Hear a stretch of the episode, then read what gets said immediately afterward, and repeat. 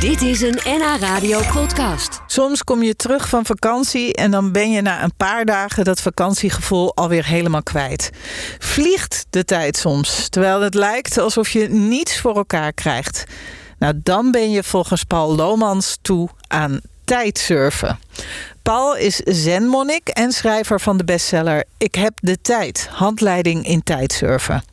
Zijn methode om stress te bestrijden is gebaseerd op zenprincipes en zijn tijdsurftrainingen die geeft hij al aan de politie en op scholen. En ook een beetje aan mij. Maar eerst wilde ik van hem weten wat zenmonnik zijn nou eigenlijk inhoudt. Zenmonnik houdt in dat ik uh, heel intensief zenmeditatie doe. Ik ben net een hele maand in, het, in een zentempel geweest. Mhm.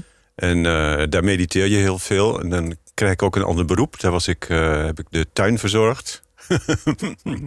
en, uh, maar wel op een zen manier dan? Dat je, dat je echt ieder plantje goed moet bekijken en rustig. Ja, wat is een zen manier? Nou, heel rustig stilstaan bij iedere handeling. Dus het beeld dat ik erbij heb. Hè? Ja, ja precies.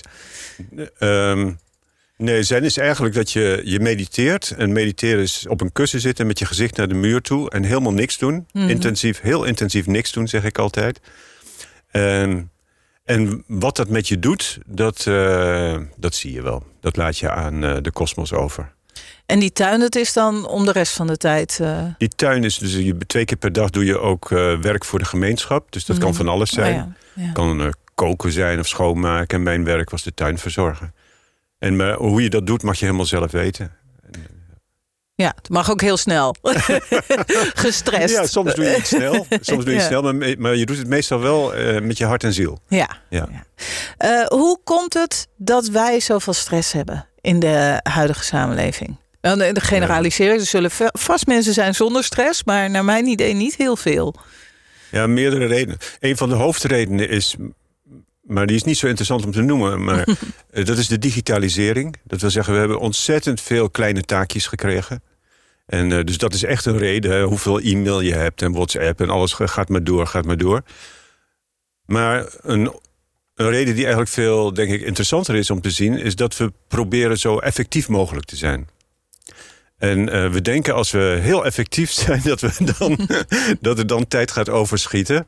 Waarin we, waarin we rustig met onze benen op de bank kunnen liggen... of lekker, leuke dingen doen. Ja, ja. En uh, dat is een vergissing. hoe effectiever je bent, hoe drukker je het krijgt. En hoe meer stress je hebt. Wacht even, want het is toch als je effectief bent... dan heb je alles afgehandeld op een gegeven moment. Ja, maar dan trek je ook meer dingen naar je toe. Oh.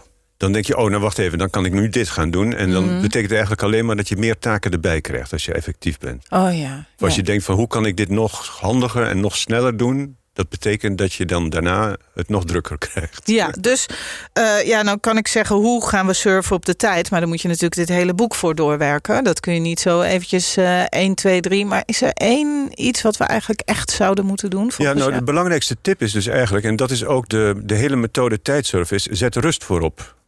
Werk, werk, leef vanuit rust. En rust dat wil niet zeggen dat je uh, sloom bent. Mhm. Mm -hmm. Maar rust wil zeggen dat je uh, beschikbaar bent. Dat je open, open bent. Dat je uh, bereid bent datgene wat er nu op je afkomt... daar volledig in te duiken. En ook weer het volgende en ook weer het volgende. Dus dat je niet denkt van... nou, ik ga dit boek niet lezen, want daar heb ik geen tijd voor.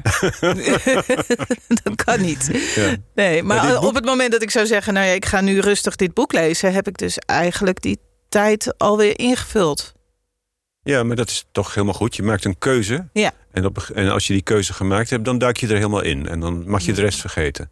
Oké. Okay. En het boek geeft eigenlijk zeven tips hoe het mogelijk is om vanuit rust te leven.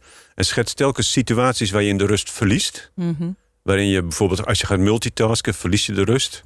En dan geeft het de tip om daar goed mee om te gaan. En die tip is dan, doe één ding tegelijk en maak het af. Ja, eigenlijk wel heel logisch, hè? Ja, ja waarom doen we het. dit toch niet? Nee, ja. Omdat we die effectiviteit voorop zetten. Dus ja, we streven we naar... Dan, voelen we, dan voelen we de adrenaline in ons lichaam. En dan denken we dat dat heel erg praktisch is. Ja. ja. Totdat je tegen een grens aanloopt en dan is het niet leuk meer. Was je vroeger heel gestrest? Nou, ik ben ooit begonnen met dit thema te onderzoeken... omdat ik uh, merkte dat ik eigenlijk alleen maar aan het afvinken was. Ja. aan het afvinken was. Ja. En uh, ik was acteur, ik had een gezin met jonge kinderen. Ik had een, uh, was verantwoordelijk voor het meditatiecentrum. En ik was aan het denken van hoe krijg ik het allemaal, allemaal gedaan, al die taken. Mhm. En Toen dacht ik, eh, ik ben toch zenmonnik, dan zou ik toch eigenlijk rustig moeten, moeten kunnen. En toen dacht ik van, ja, het zou, het zou echt goed zijn dat iemand dat eens een keertje zou onderzoeken, een zenmonnik. Ja, ja. Nou, toen ben ik dat zelf maar gaan doen. ja, wat was de voornaamste eye-opener voor jou? Ik ben jij gaan zeggen, maar mag hè? Ja, zeker. Ja. De voornaamste, nou, ik, misschien wel het begin van het hele verhaal was de belangrijkste eye-opener. Ik, zag me, ik, ik werkte veel met lijstjes. Ik had heel precieze lijstjes. Ik had drie lijstjes voor mijn neus liggen. Eén lijstje voor acteren, één lijstje voor het meditatiecentrum en één lijstje voor thuis. Mhm. En ik kreeg de zenuwen van die lijstjes. En toen dacht ik, als ik eerlijk ben en ik wil vanuit rust werken, dan moet ik nu zeggen van die lijstjes, dat geeft mij stress. Dus dat is het in ieder geval niet. Hm. En eh, ik heb die lijstjes opgepakt en samengefrommeld en een mooie prop van gemaakt en weggegooid. En in ene keer was ik, eh zal maar zeggen, als blinde in takenland. En dat was het begin van eh, tal van ontdekkingen die ik deed. Van hoe wij ons eigenlijk organiseren met de tijd. En helemaal op het eind dus is het lijstje weer teruggekomen... maar op een hele andere manier als dat je dat gewend bent. Dus ik praat niet over een to-do-lijst, maar over een wensenlijst. Ja. Ja. Ja. maar nou, zo wordt de belasting van het meditatiecentrum natuurlijk vergeten. Dat je dat nog moet betalen. Het staat op het lijstje. Nou, dus als je helemaal geen lijstjes hebt... Ja. eh, nou, het, het leuke is dat het niet zozeer het lijstje is wat, wat belangrijk is. Wat belangrijk is, is dat je je verbinding maakt met hetgeen dat je te doen hebt. Mhm. Dus als jij eh, de contributie van het eh, meditatiecentrum wilt betalen... wat je natuurlijk geautomatiseerd hebt... maar stel je betaalt dat... ja, Staat het er ook dat in? toch ja. cash... Ja. Dan is het belangrijk dat je dat even eh, laat binnenkomen. Oh ja, ik wil dit doen. Niet ik moet dat nog doen, maar ik wil dit doen. Ik wil dit doen en ik ga dat misschien dan doen. Ja. En dan zit het in je, in je onbewuste zit het dan. Mhm. En dan verliest het zijn vijandige, vijandige karakter. Dan heb je grote kans dat je het je herinnert. Maar als je het je niet herinnert, mag je het alsnog ook wel opschrijven. Maar eh, de kans is dan eigenlijk groot dat, je, dat het wel allemaal goed gaat. Ja, het taaklijstje blijft inderdaad wel, maar Ja. met een andere lading. Het kijk je niet beschuldigend aan de hele dag. Precies, ja. ja.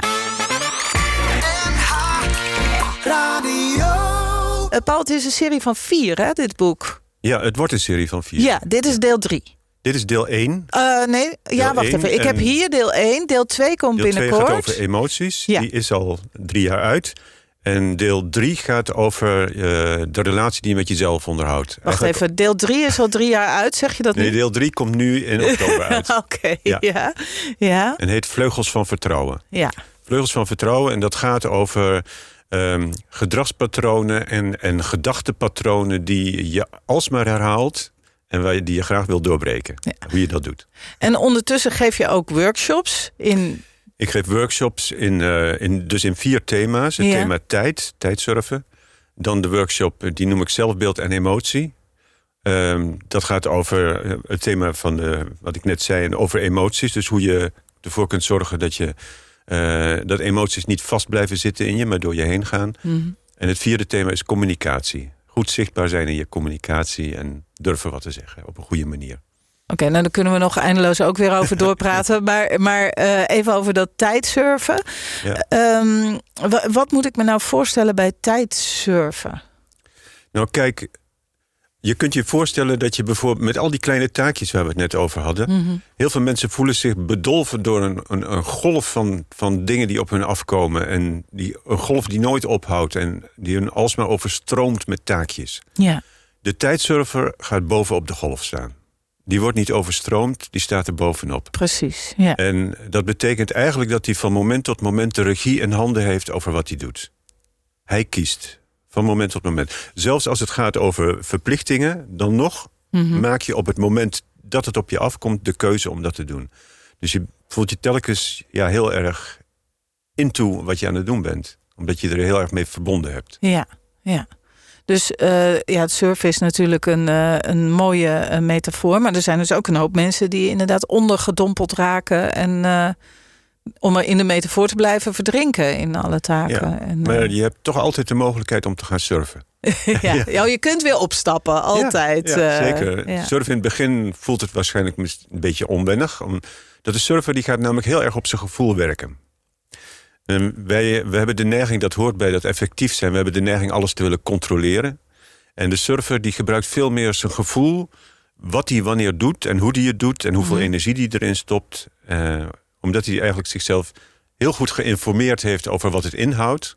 kan hij ook heel goed zijn gevoel laten werken... wanneer hij het gaat uitvoeren. En als je nou zo'n cursus bij jou volgt, moet je dan je eh, checklist meenemen? En al je taakjes en wat je allemaal doet in je leven? Nee, want ik, nee, we, we gaan, eh, maar we gaan wel oefenen. Dus nou, een, een van de belangrijkste tips die je de allereerste les krijgt van mij is... maak 's morgens, nog voordat je de e-mail geopend hebt, Mhm. een wensenlijst. Dus geen to-do-lijst, een wensenlijst. Wat zou jij graag deze dag willen doen? Wat zou je leuk vinden om te doen? Maar dan mag je ook dingen opschrijven waarvan je zeker weet dat je ze vandaag niet kunt doen... maar je, oké. die je wel zou willen doen. Oh. En als je die wensenlijst gemaakt hebt, dan draai je hem om. Dan neem je een kopje thee of een kopje koffie. En eh, dan bepaal je wat jouw eerste taak is die je gaat doen die dag. En als je dat bepaald hebt, dan mag je de e-mail openen. En dan bij de e-mail dan doe je even die twee urgente e-mails die binnengekomen zijn. En dan lees je de andere e-mails die binnengekomen zijn. Je sluit je e-mail weer af. En je begint met je eerste grote taak. Zijn er niet heel veel bazen die het niet eens zullen zijn met, eh, met de manier waarop mensen tijd surfen dan? Het grappige, is, het grappige is dat het steeds meer om zich heen slaat. Mhm. Dus het steeds meer. Ik geef trainingen bijvoorbeeld in ziekenhuizen, aan de politie van Oost-Nederland, eh, in het onderwijs. Dus het staat helemaal om zich heen in totaal verschillende doelgroepen. En het grappige is dat als je vanuit rust werkt, dat er uiteindelijk meer uit je handen komt. Dus terwijl je dat helemaal niet je doel was om productiever te worden of zo, merk je omdat je veel soepeler en harmonischer werkt, en omdat je gezond blijft en omdat je open staat voor de dingen om je heen, eh, merk je dat het veel leuker en productiever is als die andere manier van werken. Ja, dat je erachter komt dat de dingen die moeten niet altijd de dingen zijn die je niet wil. Ehm, de dingen die moeten zijn vaak eh, ja, iets waar je een vijandige relatie mee onderhoudt. Maar het hoort er wel bij, maar je kunt die relatie ook wel veranderen met Ja. iets wat, wat Ja. moet. Nou, het kan, het kan eh, misschien eh, met, het, met het boek. Staat er ook in met je gezicht naar de muur zitten, nergens aan denken? Nee, want, Oh, gelukkig. trouwens, je mag wel ergens aan denken als, Oh, je, voor, als je naar de muur kijkt. ik ben niet heel geschikt nog om te mediteren, denk ik. Oh, ik weet niet. Oh, Oké. En, eh, maar je laat de gedachten voorbij gaan. Je gaat er niet in mee. Je gaat ze niet volgen. Ja, ja. Ja. niet piekeren. Dat, eh, maar goed, hoe dat allemaal werkt staat in het boek. En eh, ja, je kunt eh, cursussen volgen. Je kunt meer vinden op de stressontknoping.nl als je meer wil weten over Paul. Dankjewel voor de uitleg. Graag gedaan. Dit was een NH Radio podcast. Voor meer, ga naar nhradio.nl. Radio.